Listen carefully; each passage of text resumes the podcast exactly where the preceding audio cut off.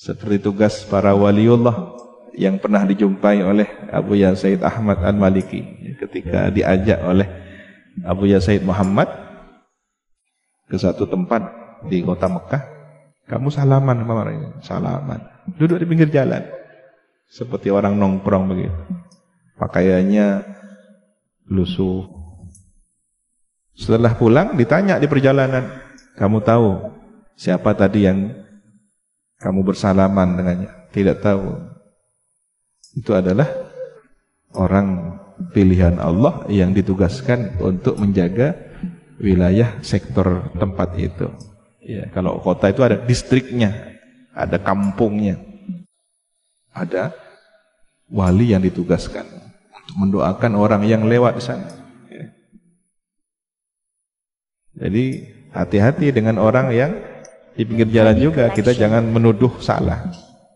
Itulah pentingnya husnudzon. Kenapa Allah utus sosok Nabi Hidir yang tidak diketahui, masih terus misterius agar supaya kita punya prasangka baik kepada setiap orang. Jangan-jangan ini Nabi Hidir, jangan ini Nabi Hidir kan gitu.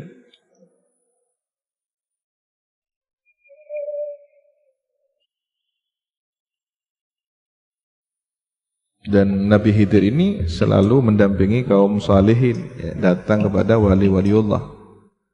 Ya, termasuk kisah Kiai As'ad ketika ziarah ke Blok Agung ya, Kiai Syafaat. Tiba-tiba Kiai As'ad sholat di masjid di sana ada tempat khusus.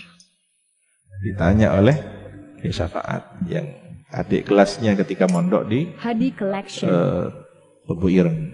Entah satu zaman atau beda zaman.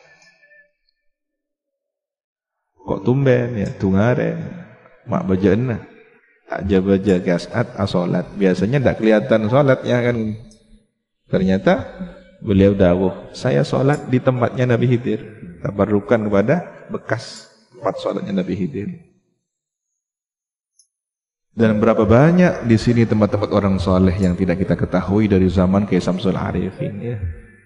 Ada berapa wali yang sudah solat di tempat-tempat ini, jalan, solat, diam.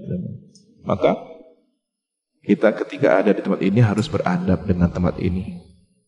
Beradab kepada bekasnya orang-orang soleh di tempat ini. Dan makhluk-makhluk mulia yang Allah datangkan ke tempat yang barokah ini. Wa irsyadus sabil dan yang keempat memberi